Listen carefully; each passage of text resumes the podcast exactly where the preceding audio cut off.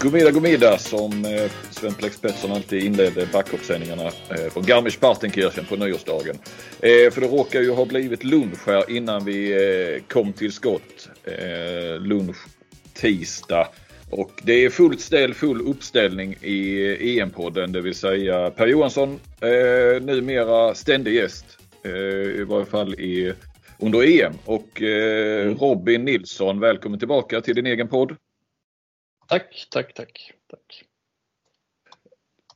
Kul att vara med. Ja, ja, ja. Mm. Vi står inför den eh, sista eh, omgången i, i eh, mellanrundan. Och eh, ska ju förstås eh, prata om den och eh, vi, vi, har lite olika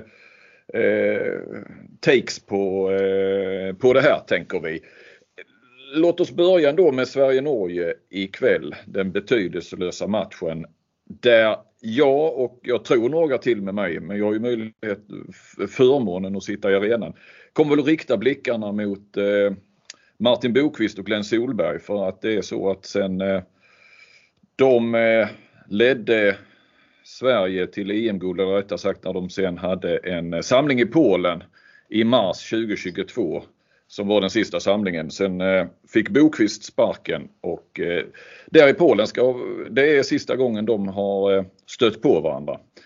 De har ju visserligen bott på samma hotell här i Hamburg. Eh, vi har varit där eh, tre gånger på pressträffar och eh, de har samlingsrum precis bredvid varandra och eh, i lobbyn eh, hänger det mycket, eh, mycket folk så att säga och de har pressträffar där nere. Men vad jag har förstått så har de ja, undvikit varandra medvetet eller omedvetet. Så att eh, ikväll är väl första gången de så att säga eh, ställs öga mot öga. Och eh, jag har frågat dem hur det ska hur det känns. De eh, är inte så jättesugna på att prata om det där men eh, de kommer att hälsa på varandra för det ingår liksom i protokollet inför match. Eh, vad, eh, har du erfarenhet Per av eh, du som tränare på den högsta nivån? Har du haft någon beef med någon eh, tränare eller liksom varit i någon liknande situation på något vis? Uh, ja, det har jag varit, har varit ganska många gånger men uh, nu har ju inte jag så jättemycket bakgrund här på Bokvist och Solberg just vad, vad som hände där har jag bara fått läst till mig. Men jag hade, alltså det jag kan komma ihåg som inte alls är kanske i närheten av det här, det var ju, det var ju faktiskt sista matchen innan pandemin. Vi mötte Valchea hemma med Bukarest och vann den med ett och det blev ju faktiskt nästan handgemäng efter den matchen eh, på grund av att Florida Tempera var väldigt aggressiv och hela lagen, alla, lag sprang, eller alla spelare sprang in och så vidare. Så det blev ju en, en eh, det blev ju inte så snälla ord i media efter det i Rumänien. Men sen så hamnade jag i i Rostov och han hamnade i CSKA och vi mötte ju CSKA fem sex gånger per säsong och, och, i början var det ju iskallt liksom. Det var ju inte en blick och inte någonting och sådär. Men sen kom jag ihåg på en värv, värvning. Vi var i, i, i, Moskva och de kom efter oss och så tittade vi på varandra bara så. Ja, vad fan. Det var ingen av oss som orkade längre liksom bara liksom sådär sura på varandra. Det, det var väl det är väl det närmaste kanske. Sen rök jag väl ihop med Bojana Popovic också när vi var i Monterey Podgorica mötte dem med Rostov och det men sen när det väl är match så låter man inte sånt grumlas, om man säger så, även om det finns något att grumlas med. Så under matchen är ju matchen och, och protokollet är ju att man hälsar på varandra och det, det, det, är klart att man gör det och sen så behöver man inte vara bästa vänner för det. Men det är klart, om man jobbar länge i den här världen så är det ju vissa som man ryker ihop med. Sen kan man eh, också försonas med vissa, men, men, men med vissa försonas man ju aldrig. Och hur fallet är mellan Solberg och Bokvist har jag ingen aning om. Men, men vissa har man ju ingen finns det ju ingen intention från något håll att, att försonas med. Så att eh, de har jag väl också. Men Florent Tempera försonades jag med. Eh, dock inte med Bojana Popovic, men så är det. Eh, det är, som, det är som Mats Strandberg, gamla Radiosporten, sa om hans, sin vad ska man säga, brustna relation med Tommy Engstrand. Han var tvärsäker. Det är livet ut, den fiendskapen. Ja. ja. Sen dog ju Tommy Engstrand eh, ett par år efter han hade sagt det Strandberg så att eh, det blev ju livet ut. Mm. Även om Strandberg lever då. Mm. Ehm, mm. Det är som du och jag Flink i pressrummen. Vi, vi tittar inte, vi möter inte varandras blickar. Vi hälsar pliktskyldigt eh, men i övrigt försöker vi hålla oss ifrån varandra. precis, precis. Ja, eh, om vi håller oss kvar lite grann vid Sverige så, så att man är klara för EM. Eh, eller att man gör det. Att man är klara för semifinal eh, i EM. Är, är Sveriges turnering därmed hemma så att säga? Nu gör jag sådana här citationstecken i, i luften som ingen kan se. Eh, och var det därmed rätt av förbundet att förlänga med Solberg så pass tidigt som man gjorde? Det var ju lite så här, ha, varför eh, förlänga i ett så tidigt skede som det var i fjol var det ju någon gång. Eh, ska man inte invänta EM eh, kan Sverige vara lite på ett sluttande plan med tanke på eh, hur vi, hemma-VM avslutades och sådär. Så att, ja, det är min fråga till er. Är Sveriges EM hemma och var det därmed rätt att förlänga med Solberg så tidigt och inte invänta här, den här turneringen? Börjar du Per, för jag kommer nog tycka motsatt från, från vad du tycker. Ja, skönt att du vet vad jag ska säga då. Uh, nej, men jag... Uh, nej, det tror jag inte. Alltså inte lagmässigt så känner man sig inte hemma. Däremot uh, ja, kanske media och utanför där man får spela att man har två chanser med medalj och så vidare. Man blir sämst fyra. Men Sverige kommer ju från en fjärdeplats så att en fjärdeplats igen är ju ett misslyckande tror jag internt och så här, i laget att man känner. För man vill ju, det är svårt att spika upp en fjärdeplats. så det är klart att man vill ha en medalj den här gången. Så att internt nej. Eh, absolut inte. Det hoppas jag verkligen inte att de har en, en, en, en antydan och känsla till det. Sen förlängningen med Solberg, det är ju, det är ju, det är ju lätt att säga nu då att den var, var rätt och så vidare. Det, det fanns väl en, en, eh, en tveksamhet kring att göra det så tidigt. Men Handbollsförbundet tror ju också på kontinuitet och det kan jag gilla på ett sätt. Att man, eh, man tror på Solberg och man tror på att han ska vara rätt man att driva det vidare och det visar sig också att det resultatmässigt eh, såklart är rätt. Så man ska inte underskatta, kontinuitet heller, vad det skapar eh, trygghet i en grupp. Och det här är ju ett lag som bara har missat semifinal en gång, det var ju OS då. Så att, ja, det får man ju säga att det var rätt, ja. Vad säger Robin? Eh, jag, jag tyckte det var fel då, så jag kan ju knappast säga att det, var, att det är rätt nu när det liksom inte, vi har ju inget facit än.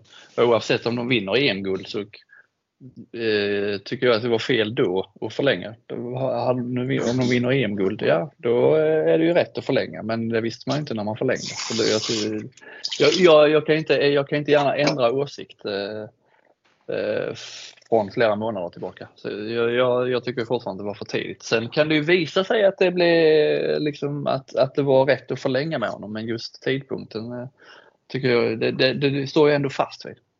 Och sen eh, att de är hemma. Nej, alltså det, det, förra gången, vi kritiserade ju Sverige lite eh, på VM för att de liksom de vann ju, de förlorade mot Frankrike och förlorade mot Spanien och var liksom, det kändes inte som att de var så nära de där lagen ändå helt plötsligt. Eh, nu, nu har vi förlorat mot Spanien, och, eller har förlorat mot Danmark menar jag. Och eh, sen är det väl inte något världslag vi har mött förutom dem.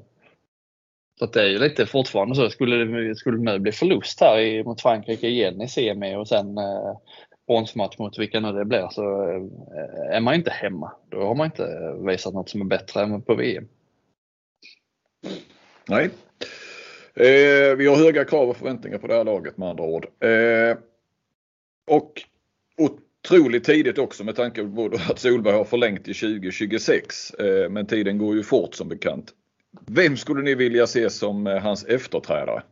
Om ni vill liksom bara ja, titta långt fram. Eller ska man eh, köra liksom norska damerna spåret och eh, bara alltså extrem kontinuitet. Jag tror de har haft tre, eh, tre olika förbundskaptener på 40 år. Mm. Ja, alltså det, det, är väl också en, en, eh, en, strategifråga som ju förmodligen förbundet har eh, ganska klart för sig vad de vill. Men så länge man har en kapten som uppenbarligen oavsett på vilket sätt han gör det så gör han, får han ju fram, eh, gör han ju resultat.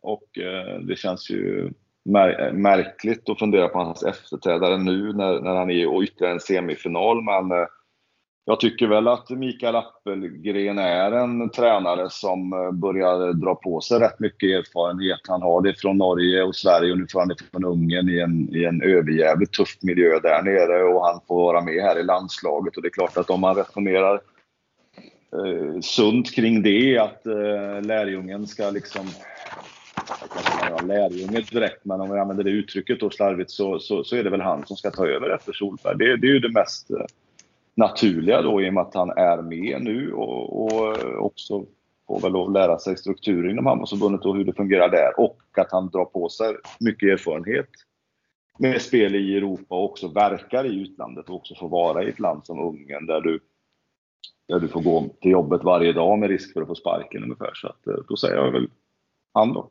tycker jag. Mm. Robin? Ja, eh, nej, jag håller med, med i, Pers resonemang. Eh, det, om, om man nu ska byta. Alltså, han verkar ju vara populär, eh, omtyckt bland i spelargruppen liksom. och så länge det blir resultat finns det väl ingen anledning att byta egentligen. Så länge han, han verkar ju ändå behöva ha någon slags Bokvist och Apelgren, det, det, det är ju liksom mer taktiska är känslan i alla fall. Figurer än vad Solberg själv eh, kanske är. Han verkar mer vara liksom en lagbyggare. Alltså, och då handlar det ju kanske mer om vem som ska vara ass. Och sen om, om Apelgren, någon gång, eh, ska, någon gång slutar väl Solberg och då någon gång vill man väl att Apelgren ska ta över. Men jag vet inte, får man, får, kommer han att liksom få dubbeljobba om han är huvudtränare i PIK Seged? Och får han inte ja. det, vad kommer han att kosta? Ja, ja. Han rätt, kommer eh, väl ha en rätt bra lön i Ungern. Då ska den matchas av förbundet. Ja, ja du menar den dagen ja. ja. Och, och, den, och den matchningen blir ju svår kan man ju säga. Ja. vad har, du han har så är det, Nej, det, det har jag ju ingen aning vad, vad Solberg har? Nej, vad, Nej, vad, vad, vad man får i pick.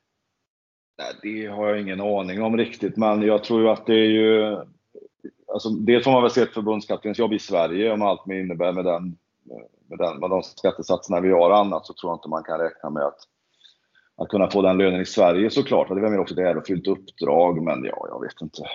Jag vet ju bara, ja, så att det kan vara 200 netto kanske någonting eh, i månaden kanske. Jag vet inte. Det är en gissning, men någonstans där är det ju säkert för ett sånt uppdrag. Det kanske är mer till och med. Men det är nog i de eh, 2-3 miljoner per år skulle jag tro att det är netto. Det är, jag har ingen inblick i, men jag har ju själv varit i Östeuropa så jag vet väl ungefär och det, och så är det på här sidan och det är lite mer så att eh, det är väl det. Och det, det tror jag väl inte Solberg har i, eh, i, i, i handbollsförbundet, det tror jag inte han har. Det är svårt att tro. Eh, eh, ja, och, och, och det, ja, allt, mycket av det vi pratar om nu är ju hypotetiskt såklart ju och, och det ligger ju en bit fram i tiden med, med Apelgren där. Däremot så har han ju inte förlängt som assisterande då eh, utan eh, Hans kontrakt, Apelgrens kontrakt som assisterande går ut i, eh, efter OS. Eller ja, med OS här i sommar och eh, eh, vad jag har förstått så, så har han möjlighet, Pick tillåter honom att dubbeljobba i varje fall som assisterande förbundskapten. Eh, och eh, vad, va, är det, är det, det blir så här, tycker ni han ska vara kvar? Eh, är det väldigt viktigt eller är det bättre kanske att han får fokusera på Pick eh, för, e, för egen del? Ja, nu går vi in i i hans huvud. Han berättar i alla fall att han har, de har väl haft någon sorts kontakt om framtiden han och förbundet men han har, jag pratade med honom här för ett par veckor sedan, eh, att han har skjutit också allt på, på den liksom, diskussionen och planeringen för att det har varit så otroligt mycket med inför EM men framförallt också Sävehof med Europaspel plus mer jobb med Pick än han trodde i, i, att sätta en ny trupp och, och, så vidare som de håller på med. Det händer ju rätt mycket där. Så eh, ja, vad säger ni om det? Uh, är det viktigt som fan för eh, landslaget att Apelgren blir kvar eller eh, ja, vad säger ni? Nej, men, nej, men alltså, vi, vi, kan ju börja sätta det i en större helhet. För det första är det så att alla huvudtränare behöver ju en bra assistent. Sen, sen, är assistenterna mer eller mindre profilerade. Det är klart att Appelgren är, är mer profilerad i och med att han har sin egen karriär som huvudtränare. Men egentligen alla assistenter som är runt de här huvudtränarna är ju jäkligt skickliga. De är bra på någonting. De är arbetshästar som lägger ner jäkla massa tid på att förbereda eh, för coachen och det kan ju se ut på många olika sätt. Eh, man kanske klipper, man, man kommer med förslag på att med ingångar och så vidare. En assistent är ju extremt viktigt eh, för en huvudtränare. Det, det även för huvudtränare med en bred erfarenhet är det första. Sen kan jag ju kanske om jag skulle sätta mig in i hans situation, att det är första gången han ger sig ut på riktigt, om man säger så, då, till ett land där, där pressen är extrem hög. Det är inte som att gå till Partillebohallen eller vara i. Det, är, liksom, det är, är ett par snäpp upp till ett lag som verkligen jagar den här Final Four-platsen. Och det är klart att där tror jag man skulle fundera lite grann på. För är man också landslagstränare, oavsett vilken position man är, assistent eller klippare eller fysioterapeut, det spelar ingen roll, så täcker man ju igen alla luckor där man skulle kunna ha lite mer, så att säga, få lite mer luft. Då ska du efter kanske ett misslyckat Champions League-höst direkt in i ett mästerskap och sen ha med superhöga krav direkt prestera. För du täcker ju alla eh, perioder som mm. kan vara lite lugnare för återhämtning, för reflektion, för analys och så vidare. Det har jag ingen aning om han funderar, men det hade jag ju funderat över. Är det värt det att stänga igen? För det handlar ju kanske om familjemässigt också då. Då är det ju 365 dagar på. Då har du, då har du några veckor per år kanske där du är helt fri från handbollen. Uh, för grejen är också att om man inte har landslag i klubbtränare, Seged har ju förmodligen ganska mycket landslagsspelare, det har de ju. Då blir ju den, de här, den månaden den blir ju ganska luftig då va, uh, som klubbtränare. Det är lite individuella träningar, du har fem, sex spelare på träningen. Så att, Ja, eh, men att han behövs absolut. Eh, alla huvudtränare behöver en stark, duktig, hårt arbetande eh, assistent. Det, det råder ingen tvekan om. Så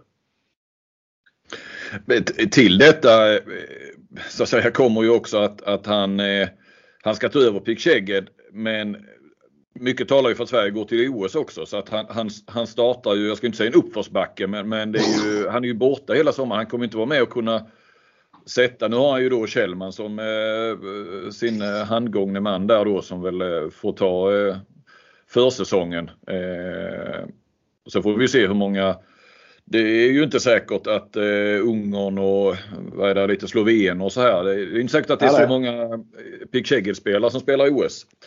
Eh, även om det nu tar ner lite skandinaver så kanske det, det blir några fler. Så, eh, det var ju den starten också. Det, Kom ihåg att eh, Christian Andersson eh, hoppade ju av som förbundskapten. Sen kom ju pandemin där ju men, men fast det var mm. ett OS, eh, det första OS mm. han skulle göra som förbundskapten och tränare så, så skulle han ju börja med Rhein och vad jag förstod så var det väl just den starten som han, han ville ju undvika att ja, att komma in i Rhein-Neckarlöven, ny klubb på ny nivå och komma dit där i mitten på augusti och inte ha varit med på hela försäsongen inför sin första säsong. Ja, ni fattar. Det är... Nej, nej, men det, det, det, det är klart att sådana saker spelar roll och det är ju en annan hierarki i Östeuropa också. Det är ju inte som så att, nu har ju Kjellman en otrolig position där såklart, men det är ändå, det är huvudtränaren man tittar på. Det är liksom eh, huvudtränaren som ska göra det, som ska komma med idéerna, som ska genomföra. Det är en helt annan hierarki. Det är också, ska man också beakta då. Det är liksom inte bara lämpa över det till någon och så, ja men då kommer jag in här i mitten av augusti så kör vi. För då är det kanske två veckor du har på dig och så kommer kanske första supercupmatchen. eller vad det är. Och den måste du vinna. Och så förlorar du den då utan att liksom kanske ha varit med i ditt gäng så mycket så får du problem. Alltså problemen kommer ju så ofantligt mycket snabbare Eh, i den här världen. Som ju också Christian fick uppleva i Rheina Löven. Och det, det, är ju de spelreglerna som det är. Det är ju också kopplat till att lönen är mycket högre för att man tror att lönen ska göra att man eh, man lyckas på något sätt. Det finns ju kopplingen mellan pengar och framgång är ju mycket mer än vad liksom vi är uppfostrade här i, i, i Skandinavien. Så är det ju så. så att, absolut eh, hade jag ställt frågan eh, till mig själv eh, om, jag skulle, om det är värt det. Sen är det ju fantastiskt att vara med i ett landslag och den arenan och de här mästerskapen och den här genomslagskraften som de har nu. Spelar i Tyskland, det kommer ett OS. Det är ju man är ju dopamintorsk, skulle jag på att säga. Va? Eller liksom adrenalintorsk, det är ju så är man i den här världen och får uppleva de här stora matcherna så, så är det, det är ju, då lever man ju på det på något sätt. Så är det ju. Om vi tittar fram mot matchen ikväll här mot Norge eh, där Sverige hamnat i ett, eh, jag har ju skrivit om det, ett unik möjlighet att eh, mitt i ett eh, EM eh, få eh, kunna förbereda sig. Även om de har en match så har de liksom fem dagar, eller fyra vilodagar mellan Portugal-matchen och semifinalen att, att eh, kunna förbereda sig för en semifinal. Det, det händer ju i princip aldrig. Eh, hur ska man matcha ikväll då? Eh, jag vänder mig kanske framförallt till Persson. Gammal, gammal, men då elittränare, förbundskapten och så vidare. Eh, alltså finns det någon risk att man för, man har ju lyft fram det här. Jag har gjort det, spelare och Solberg gör det. det är liksom, eh, ja, det är jäkligt bra allting. Finns det någon risk att man går ner sig lite när man efter en sån här varannan mm. dag med, med rätt så tuffa, viktiga tuffa matcher plötsligt får fem dagar utan att det smäller. Hur ska man tänka där i matchen? Jag kan säga, prata lite med Solberg hur igår hur han resonerar och det verkar som att det blir rätt mycket dialog med spelare. Hur, hur, alltså med kroppar och sjukgymnaster och sådär. Hur, hur mår Jim Gottfridsson? Så att en del spelare kommer nog kunna liksom flagga för att de eh, antingen vill verkligen spela även om de är, liksom, heter Jim Gottfridsson eller att eh, man känner att man eh, vill vila kroppen eller så. Ja, det finns lite olika perspektiv på det där. Vad säger du det, det, det, det, finns ju inget likhetstecken med att bara man får fem dagar så, är, så innebär det att det kommer att bli mycket bättre. Men det är klart att den medicinska rapporten, att man går lite hårdare på den. Förmodligen så hade jag resonerat att de som är kan spela men hade mått bra av att inte spela, det är klart att man inte ska spela dem. Det ska man ju inte göra. Sen är ju vi handbollsspelare i mästerskap inte så vana med det heller. Vi handbollsspelare ska jag inte säga. Men landslag, du har ju sällan det. Och nu, det är ju inte att det är fem dagar, utan det är ju ändå match idag. Eh, men, men att, eh, att hantera det på ett bra sätt. Att eh, inte... Jag tror att det är osvenskt också. Vi kan inte göra kanske som andra länder, främst kanske Balkan, att de lägger ner den matchen. De skiter i den. Det kan se ut, se ut hur som helst. Man bara samlar energi till nästa match. Vi är inte riktigt fostrade så. Jag tror det finns en fara i det också. Men absolut se till att de som kanske har slitit skulle kunna spela men man vill ha dem liksom fullt ut i matchen mot Frankrike då. Då ska man göra det. Men att hålla på för mycket och putta in massa spelare till höger och vänster, och det, det, det, det, tror jag inte heller på. Där är det upp till ledarna att hitta den balansen. Vi behöver fortsätta här, vi behöver vinna för att få en god känsla. Vi behöver göra någonting bra. Sen kan det ju vara andra spelare som gör det bra, som gör att Sverige kan fortsätta ha med sig den förmodat goda känslan som de har då. Men det är, det är ingen självklarhet att det är bra att ha fem dagar. Absolut inte. Ska inte glömma att det är derby med. Alltså det är ju, eh, Norge vill man helst inte förlora mot. Nej, så är det ju. Så är det. Ja, ja. Ja, vi, vi får se hur Men det blir väl, tror, tror ni inte att det, det, blir väl, det blir väl på klockan liksom att de kommer vara eh, ännu mer det blir en kvart var från, eh, i varje halvlek för 9 meterslinan och sen blir det en halvlek var för kanterna och kanske att Andreas Nilsson får lite mer speltid än vad han fått innan. En halvlek var för målvakterna. Men ska inte ja. Valinius, eh, jag tänker inför Frankrike, vi minns eh, EM 2022 semifinalen där han gick in och nästan avgjorde. Han satte 5 på 5 typ. Eh, ska inte han få en, eh, minst en kvart, 20 minuter i en, i en sån här match till exempel? Där hade han väl mått bra i sin jokerroll så att säga. Han har ju faktiskt inte, ja det är ju länge sedan han spelade nu. Det var någon av de första matcherna va? Ja, men då, då, då, tänker jag så här, ja visst, eh, då ska man också vara klar över varför man ger honom tid i en match mot Norge. Då ska man ha en tanke kring att han faktiskt ska kunna spela en roll mot Frankrike. Men jag hade ju jag hade ju gett Erik Johansson den här matchen och försöka lyfta honom. Eh, för det finns ju en enorm potential i honom.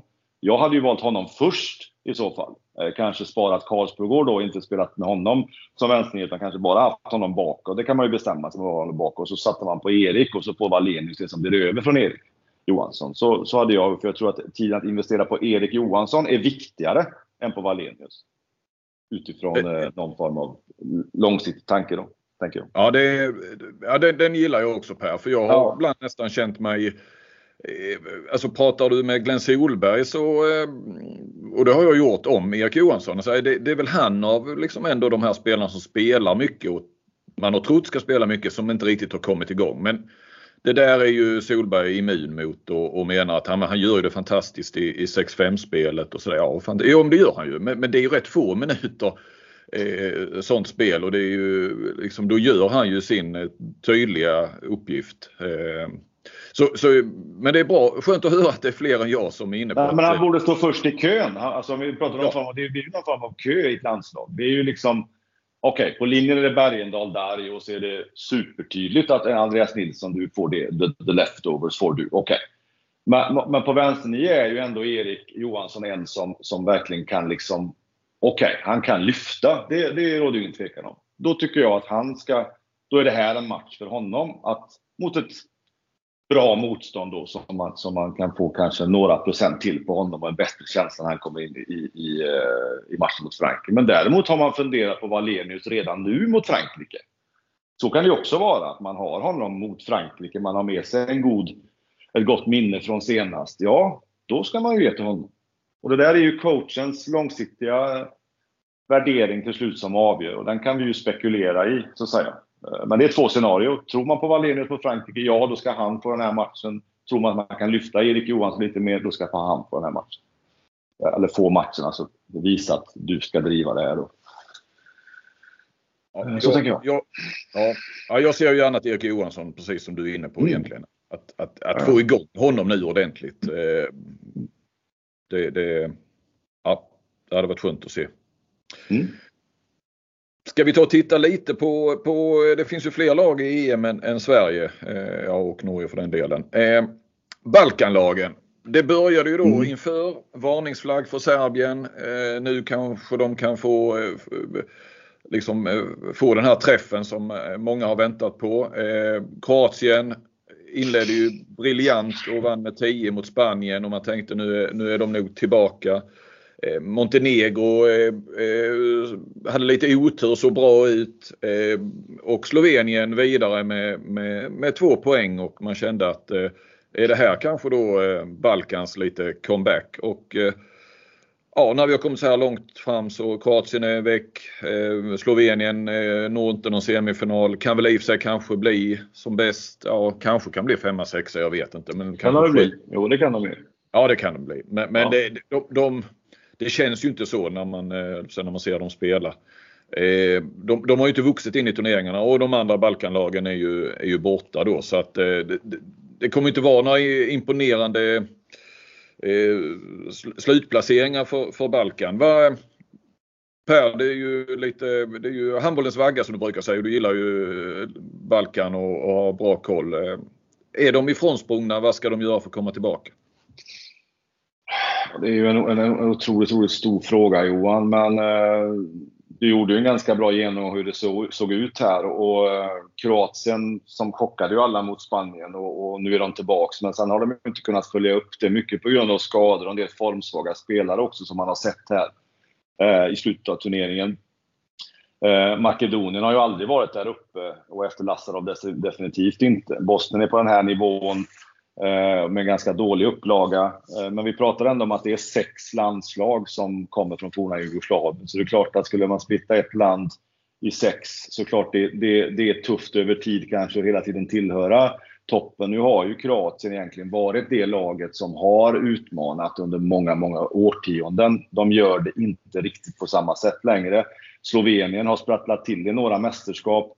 Eh, men de andra var det ju länge sedan. Det var ju länge sedan Serbien var där. Montenegro har väl kanske aldrig varit bättre än vad de är nu med sitt landslag. Men jag tror också det är kopplat till klubbhistoriken lite grann. För förr i tiden, långt tillbaka, då var ju de här lagen Vardar och Pellister från Makedonien, Röda Stjärnan, Partizan från eh, Serbien. Eh, alla de är ju en ganska tynande tillvaro någonstans nu. De är ju inte i närheten av, av Europatoppen. Zagreb tycker jag är ganska bra i år, men de är ju inte alls som Zagreb var för 25 år sedan. Säljer inte lika bra. Ehm, Settinje som ju då är Montenegros lag, eh, som också då var ju ett, ett, ett eh, Final Four-lag. Nu var det inte Final Four på den tiden, men det är ju heller inte någon av deras klubblag som har, det har väl också med ekonomin i länderna att göra. Det har väl också med samhället i stort att göra. Att, att det finns kanske inte den kraften att samla, samla ihop för att ha den här påfyllningen som finns, även om det är fantastiskt mycket människor som spelar handboll i i, på Balkan så är ju också ekonomin en stor faktor som gör att man kanske inte får ihop det.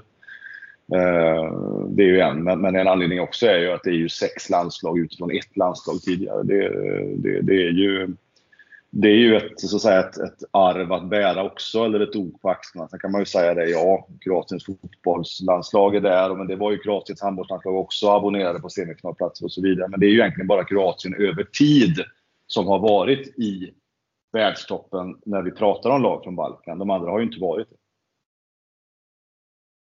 Ja, lång, Nej. lång utläggning med, med, med ja. lite mycket av varje där. Men, men, eh, jag tror att det är hur samhället ser ut också. Att det är, det är tufft i de länderna idag. Det är ekonomiskt tufft. De, de kämpar med mycket och då, då är det också kanske svårt att få ihop idrotten på det sättet som man, som man fick för ett antal år sedan. Men, men det är ju min, det har ni hört mig prata om många gånger och, och skrivit om också.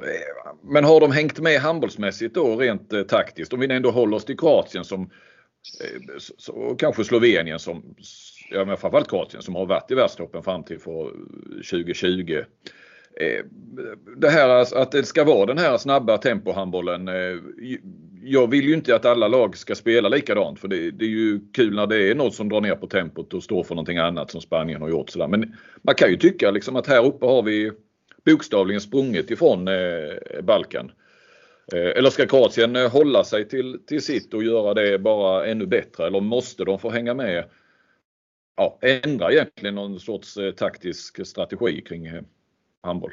Nej, jag tror väl att arvet från förfäderna, på att säga, ja, från förfäderna är viktigt att man har en identitet och sen kan man ju alltid famla i den identiteten. Man kanske vill ha en identitet men man har inte riktigt de spelarna. Men eh, Kroatien tycker jag väl ändå försöker, alltså har ju ändå, försöker ju att, att, att föra det arvet vidare. Men eh, som det såg ut i det här mästerskapet så har man ju inte riktigt haft den bredden till att göra det. Även om jag tyckte de hade den bredden från början. Men det är klart, man förblindades kanske av matchen mot Spanien. Men å andra sidan, Slovenien har ju sitt, också ett unikt sätt att spela med, med dels de här har fått fram så enormt mycket playmakers. Bombak, Sarabec, det var Sorman tidigare med flera med flera. Och haft den skolan. Man har ju inte fått betalt för det eh, i det här mästerskapet. Och jag tycker väl att man får inte ihop alla delarna. Nu, nu är det ju, okej okay, man kan säga att man är frånsprungen, ja till ett sätt kan man göra det av vissa länder. Men det här med identitet är också jäkligt starkt. Va? Jag vet inte hur omvärldsanalysen där går väl kanske inte lika snabbt som den går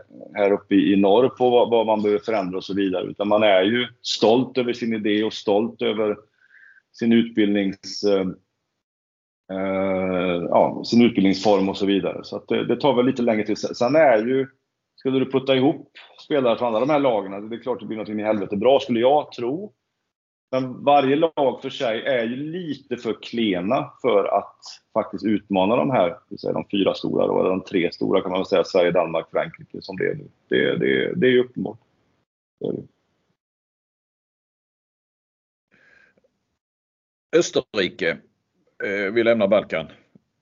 Största skrällen mm. på eh, på länge känns det som. Alltså ett, ett nytt lag som är med så här långt fram så får vi se om det blir eh, semifinal eller inte. Eh, är, de, är, de, är de, ja det är väl att ta i, men är de där uppe för att stanna det är att ta i kanske. Men vad, vad, finns det en framtid här? Kommer de ändå vara med och hugga lite? Eh, och sen eh, om jag bara tar några sådana här tankar så kan ni komma in eh, kring eh, Österrike. Det är ju kul och sån som Robert Weber, 38 år som, jag vet inte, det är över 200 landskamper, äntligen få att han har någon åttonde plats i något EM så, men att vara med och hugga på en semifinal det är ju det unnar man honom efter så många år i, i, i skuggan och det är ju en jävligt bra kantspelare. Och sen gillar man ju Ales Pajovic på, på, eh, på bänken där. Eh, ja, jag vet inte.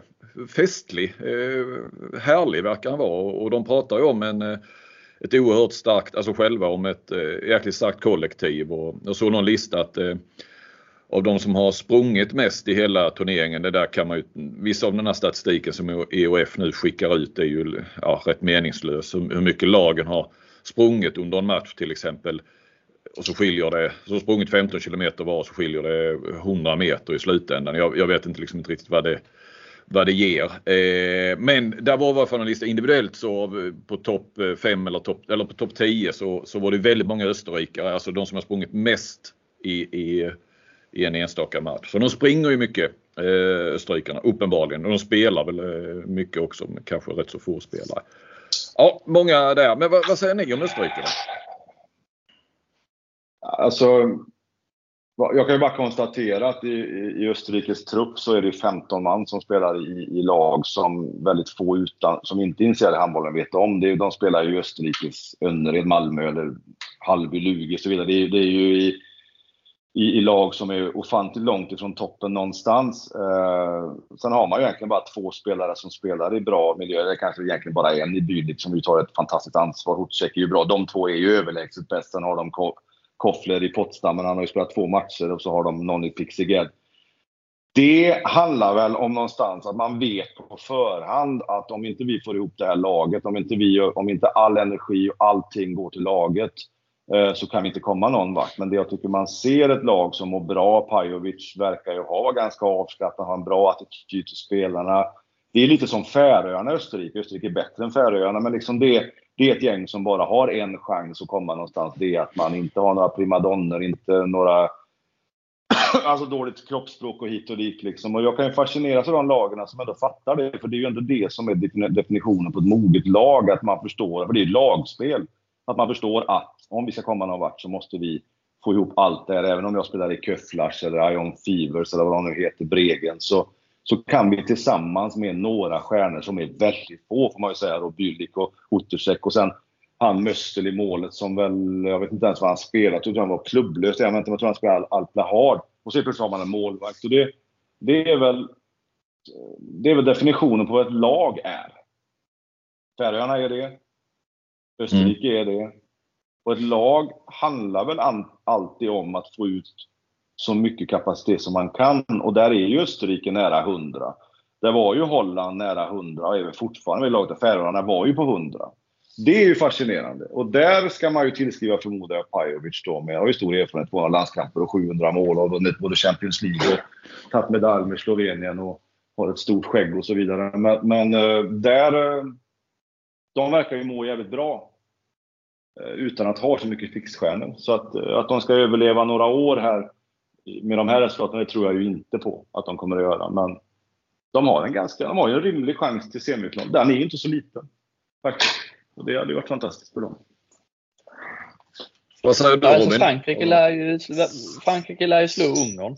Så det är ju Tyskland, Kroatien där. Men problemet är ju, jag tror att Österrike kommer förlora mot Island. Det är liksom typiskt ett sånt här lag som kommer upp och så säger ja, de har ändå chans att gå till semifinal här. Och så de ska börja möta liksom bara Island då som nästan har förlorat, eh, förlorat allting igen känns det som. Eh, att de, ja, och så håller det inte hela vägen ändå. Att de faller liksom faller eh, när man tror, när man har liksom börjat få upp känslan för Österrike, när man tror att oj, att man bygger upp dem till någonting. De är ju inte så bra egentligen. De är ju, på pappret är de ju mycket sämre än Island. Så jag, jag, jag tror att de jag bara känt att de kommer förlora ikväll och därför så kommer vi inte prata med, om dem så mycket mer de kommande åren. Nej, jag hade faktiskt en... Alltså. Tog du död på det österrikiska handbollsundret? pappret eh, sämre? Jo, det, det men det är ju ingen pappersprodukt heller vi håller på med. Utan då kan man ju se hur, hur, hur tycker man Island ser ut egentligen utifrån någonstans av att, ja, med det manskapet de har. Får de ut det av det laget de har? Nej, det kan man ju inte säga. Nu fick de ju sist match i och för sig. Men jag ser ju också ett scenario där alla de här tre lagen förlorar i, är det idag? Nej, det är imorgon. Imorgon är det. Uh, ja. Jag menar Kroatien, det är ju typiskt sådant här läge. Liksom ingen, och så vinner Kroatien här mot Tyskland. Och sen förlorar Ungern mot Frankrike och så förlorar, Is, förlorar Österrike mot Island. Så blir det som det blir 5-4-4 på de här och då går Tyskland hit ändå. Så det här med att den här sidan, den andra sidan här som vi pratar om, den här har varit så jävla bra, det vet jag inte. Det, det var mest att det varit otroligt mycket jämna matcher. Kvalitetsmässigt vet jag inte om det varit så jättemycket bättre med lag som Ungern, Tyskland, Österrike om vi jämför med vår andra sida. Jag tycker bara att det har varit fantastiskt jämna och spännande matcher. Men ser man kvaliteten på en del av de här matcherna, Tyskland och Österrike exempelvis, så är det inte så att det, det ser ut som det är 2024. Eh, det kan jag inte säga. Eh, Österrike och Island gick med, med, först. Mm. Ja. Jag skulle bara säga med, Ja. Kör du Flink. Förlåt. Nej men eh, bara, Tyskland och Kroatien spelar ju sist. Eh, de kommer ju ha förutsättningar ja. eh, eh på det viset. Men eh, förlåt Robin, kör. Nej men det, det Kroatien där, det är väl lite typiskt. Eh, alltså, eh, de, eh, nu läste jag igår, det var boysen som hade varit bra påläst där med att de, Kroatien, om de förlorar sista matchen mot Tyskland mm. så, så kan de ju säkra en OS-kvalplats vid förlust. Vinner de så kan, kan de liksom eh, bli utan det så att det, ja. det känns väl som att de kanske inte har så stor, stor lust att vinna heller sin match. Nej, fast jag, jag, måste, visst, då, då är den definitivt klar. Men det är rätt mycket annat som ska till eh, framöver för att eh, eh, eh Kroatien ska missa OS-kval. Eh, de kommer att ta den från det. Därför att Egypten eh, kommer vinna asiatiska mästerskapen. Så att Kroatien flyttas upp ett hack och får en OS-kvalplats från VM. Och, eh, det, det, finns andra saker som också kommer att, att, att slå in så att säga. Eh, att, att Sverige, Sverige eller Tyskland tar en, eh, får ju en direktplats eh, härifrån i så fall eh, till OS och så flyttas Kroatien upp ett hack där. Så de kommer ju få den där ändå. Men visst, han har ju en poäng att ja, okay. ska de helt säkra det redan imorgon kväll så en OS-kvalplats så ska de förlora. Men ja, men det är också intressant Johan att Egypten förmodligen vinner det asiatiska mästerskapet. Det, det, det hade ju varit en skräll faktiskt. Ja, eh, afrikanska. Ja, såklart. Det är ju komplicerat som det är de här OS-kvalen. Men, eh, ja, den, den, den har jag med gjort den Flink. Den, den, har jag med skrivit eh, fel Flink. Okej, okay. jag är inte ensam där. Nej. Men vi behöver inte göra det mer komplicerat än vad det är. Så för. Vi, vi kan ju hålla, hålla länderna i rätt världsdel åtminstone. Mm. Mm. Eh, det är om Österrike och, och där och vi går tillbaka till vår grupp och Norge. Oj, nu gick jag upp i falsett när jag pratade om Norge. Eh, kan vi kan vi räkna bort, Frändesjö var inne på det hörde jag som hastigast i, i tv-studion där att äh, nu kan vi nog, får vi nog räkna bort Norge som eh, ja, en medaljkandidat eller kanske första utmanare till eh, de stora lagen om man säger, eller till medaljen. Det var de väl i, inför i år. Det var väl många som nämnde eh, Norge som största utmanaren till eh, de fyra stora så att säga. Sen har ju Spanien försvunnit på, på vägen här. Eh, ska man, eh, kan vi göra det nu eller vad, vad säger ni? Robin, vad ska du börja för en gångs skull? Jag hade jag ju gärna... Jag, jag kan ju rätt mycket om norsk handboll Per. Ja, och, men då kan du börja. Nej, men eh, det tror jag inte. De har ju fortfarande, alltså det är ju, hade, det, hade det varit eh, gubbar, Sagosen, hade han varit eh, 35 år gammal så hade man kunnat göra det. Men han, eh, det har ju ändå kommit lite rapporter så från Norge där i Kolstad att han, han är, har varit på gång här nu under hösten. Nu har han inte varit bra alls under EM men att han är liksom inte helt slut bara efter den här skadan utan det finns ju ändå lite hopp och de har ju rätt ungt ungt lag liksom med Gröndal och de här Blons och liksom kant, kanttalanger. Liksom. Jag tror, tror inte man ska räkna bort dem. Kanske att de kommer inte vara några, de kommer inte bli några Sverige, Danmark, Frankrike de närmaste fem åren, tror inte jag. Men, men eh, de, kom, de kommer väl kunna vara med där och utmana, det tror jag. De är kvar där kanske i sjoket 5-6 till 8-9. Ja. Man, man, man jag, säger också, jag, jag, säger så här att man, man kan ju säga att klubb, klubblagshandbollen är ju som ett sprintlopp ungefär. Att du spelar en match och så kan du vänta en vecka och så spelar du igen. Och menar att ett, ett, ett mästerskap är ju som ett maraton. Det är ju att du spelar ju sjukt många matcher på kort tid. Och det handlar väl också om så jäkla bräckligt och fragilt det är att kommer man in lite fel i ett mästerskap och känner att man, man tappar bort någon poäng som Norge gjorde eller som Serbien gjorde också. Då har man bara två veckor på sig att rätta till det. Och det, det, det kan ju också vara så att Norge kom snett in i det här. Eh, de mentala processerna blev jobbiga sen och, och, man, man tvekade lite. Och då har man liksom inte en hel säsong på sig att rätta till det. Eh, och det kan man se på vissa lag, även på Island, som jag tycker har slitit med väldigt, väldigt mycket i sitt lag för att i perioder spela fantastisk handboll. Men vissa lag kommer in, får en törn och kommer inte ut det, ur det. Och kan man dra, dra lärdomar av de erfarenheterna man gör. Och jag tycker ju fortfarande att Norge kan bli en utmanare. För vilka är det vi ska utmana då? Säg att Sverige, Danmark och Frankrike är bäst just nu.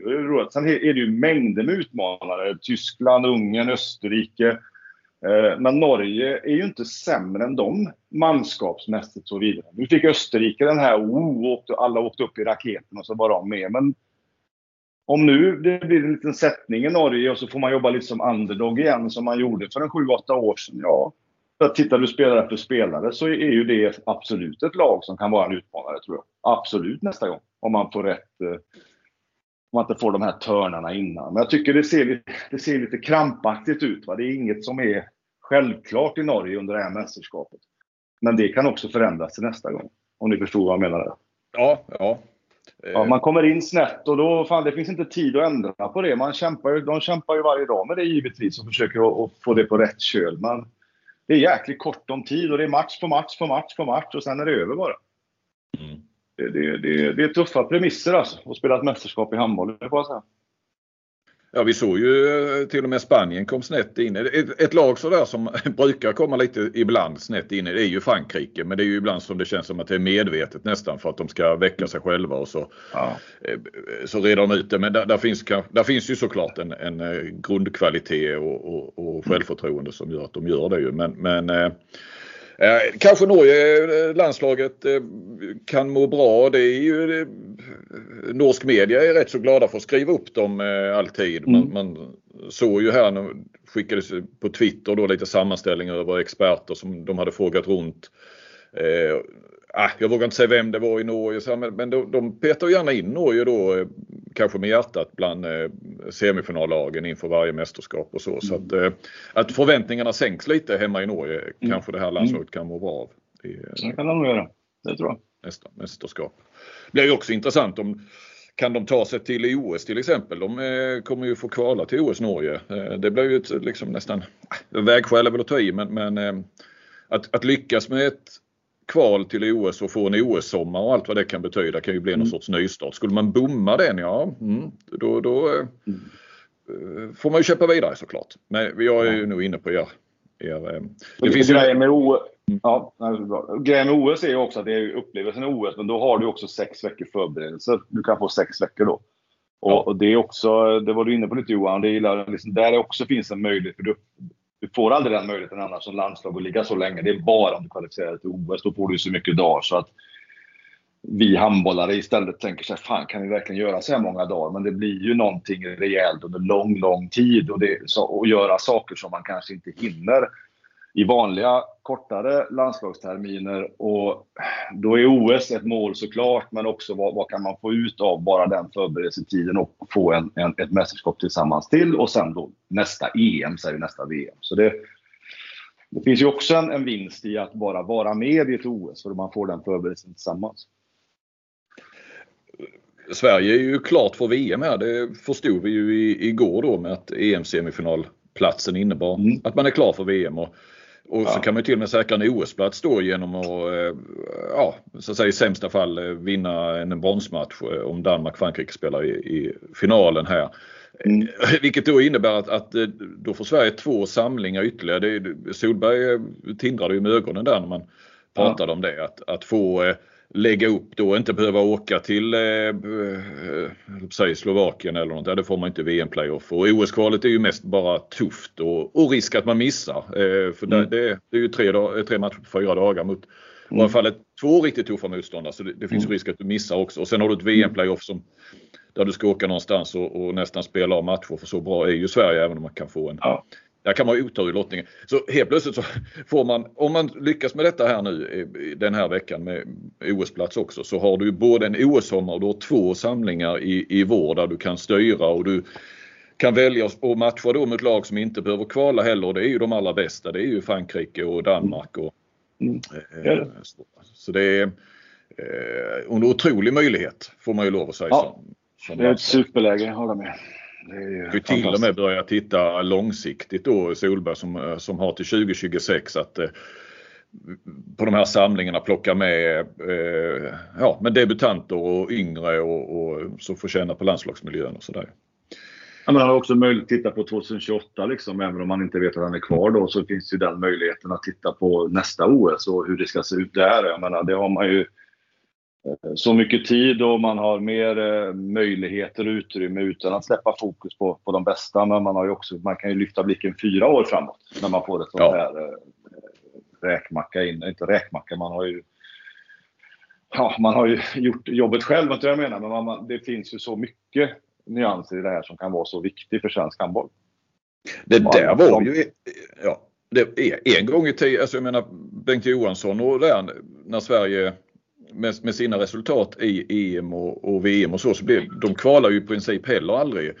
Och, och kunde ha, eh, nu hade de ju ännu äldre spelare men det var ju sånt som gjorde att de här spelarna fortsatte på, på gott och ont, mest gott ja. såklart i en början. Att ja, du, du, du, skulle inte åka till Tjeckien och kvala utan eh, kunde ligga i, i, på Tylösand och ta dit familjerna och, och träna bra och, och så spela någon eh, träningsmatch och sådär. Så att, eh, Ja, det finns eh, stora vinster. Ja, det är synergieffekter som är ju, om man hanterar dem korrekt så är de ju enorma. i ett sånt här ja. scenario. Säkert sånt eh, Frankrike när de med, med, med Narciso och de här Omayer och de, de, de, hade, mm. de hamnade ju också i den fina cykeln liksom att, och, och fortsatte länge i landslaget de spelarna. Mm.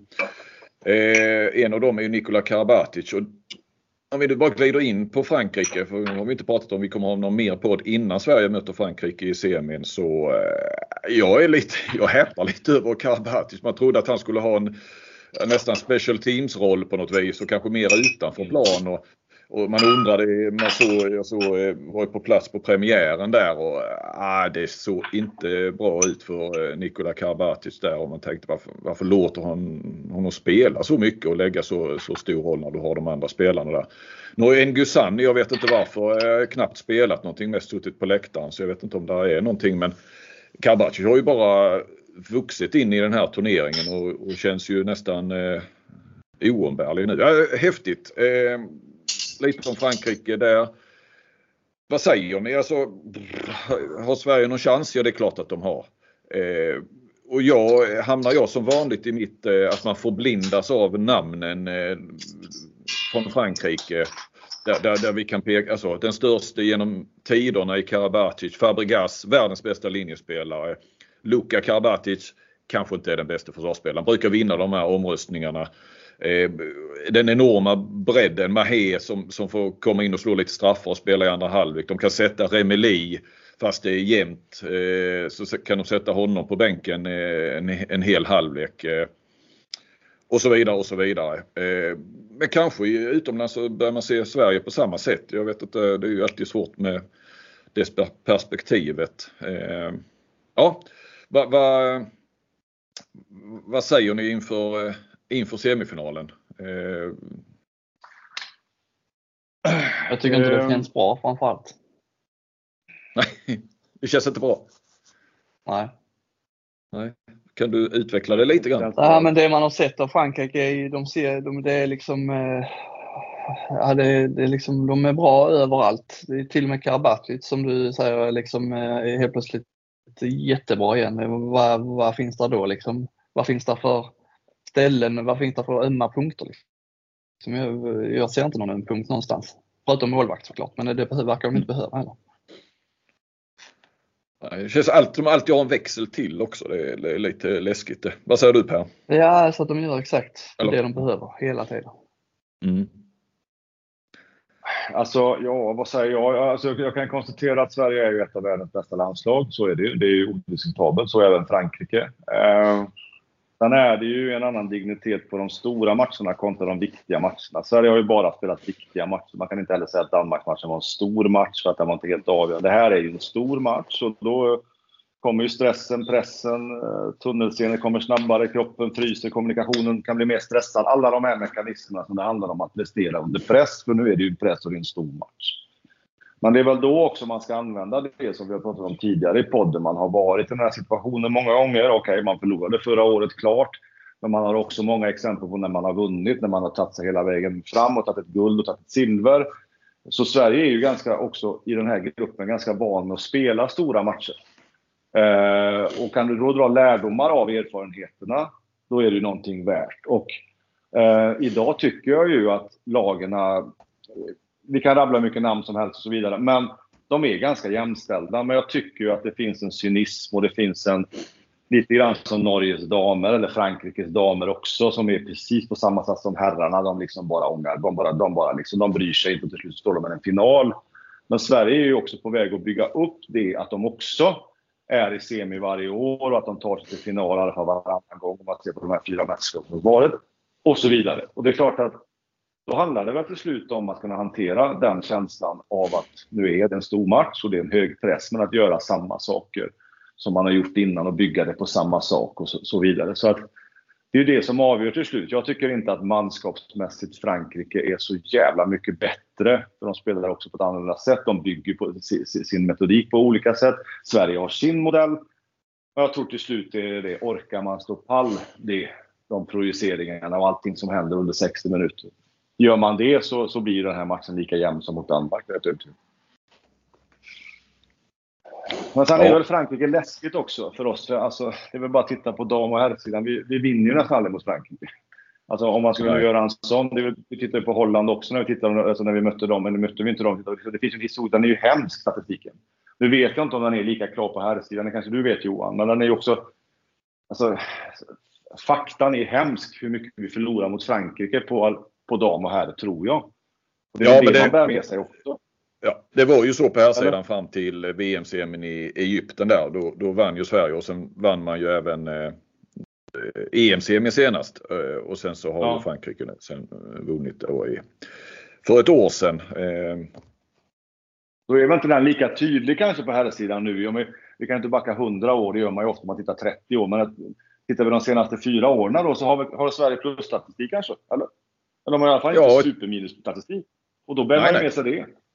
Ja, ja. Eh, då vet man, har man gjort det som du sa nu, som jag, om jag förstod det rätt, och gjort det två gånger av tre? Kan det vara så? Man har vunnit två gånger och förlorat en. Då har man ja. ju 2-1. Ja.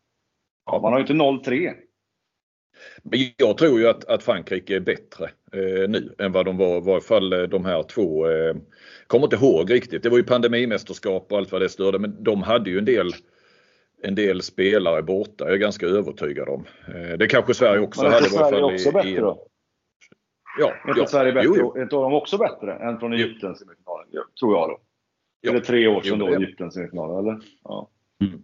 Ja, det är ju tre år eh. sedan och, och, och, 2022 var det ju pandemi. Då hade ju Sverige flera i det här eh, fängelse, pandemi, eller vet du det, coronafängelset ja. så att säga. När ja. det var semifinal också. Men ändå är det läskigt med Frankrike. Det är det ja, det är det. Den, här, den här arrogansen. Men ändå att man kan ju vara arrogant om man är bra på något sätt. Och det, de utstrålar ju det här untouchable. Liksom. De, du, du, får dem inte, det är inte en krusning liksom när de släpper upp lite lag till 200-300. Bara, vi, vi, vi, vi jobbar på. Men de, samtidigt har de inte mött ett lag som Sverige nu heller. Ja, de har ju mött skapliga gäng på andra sidan som har pratats upp väldigt mycket. Men de har ju inte mött ett lag som Sverige. Det har de inte gjort. Eller har de det Robin? Nej, det tror jag inte. Har jag missat Nej. något kanske? Men de har ju ingen sån där, de har ju inte mött någon toppnation. Det har ju Sverige gjort. Man har ju mött Danmark. För det är Danmark, eh, Frankrike och Sverige tycker jag som är i Nej, inte säkrast, men nästan faktiskt. Mm, mm. I den här turneringen. Vad tycker du? Ja, eh, mm. ska vi ta och runda av där då? Ja, men det var väl en matig, ja. Eh, matig genomgång detta. Ja. Mm. Här har han fått mycket speltid inför slutspelet. Det känns ja. bra. Jag har fått mer och mer speltid faktiskt. Jag behövde ju den här matchen eh, mot Norge kan man väl säga som Erik Johansson blev över idag. Den fick jag ju. Och så, ja. ja, ja. Du är inne i honom med. Ja, det. Eh, ja. Det var roligt. roligt att få vara med. Ja. Eh, hedersamt. Men då tackar vi eh, från vår sida och eh, mm. att ni var med och lyssnade. Och så eh, hörs vi igen. Hej på er! Mm. Hej! hej.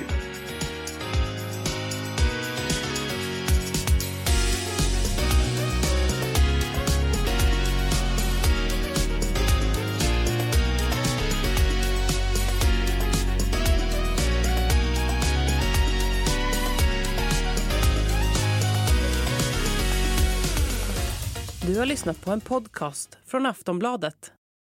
Ansvarig utgivare är Lena K Samuelsson.